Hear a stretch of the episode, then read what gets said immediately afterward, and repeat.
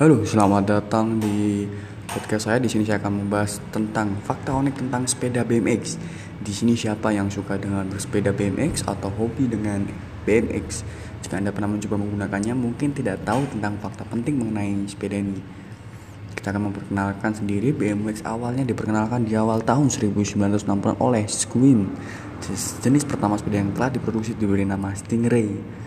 Sepeda ini dulu digunakan untuk menyerupai motocross yang dan dapat bersepeda di tengah lumpur dan juga melakukan berbagai atraksi. Kemudian lomba pertama BMX dilaksanakan di negara kajian California, Amerika Serikat pada tahun 1971. BMX sendiri merupakan singkatan dari Bicycle Motocross atau bisa disebut sebagai motocross. Oleh karena itu, BMX juga dikenal sebagai olahraga ekstrim. Trek yang digunakan untuk balap sepeda BMX memiliki berbagai jenis rintangan yang ekstrim.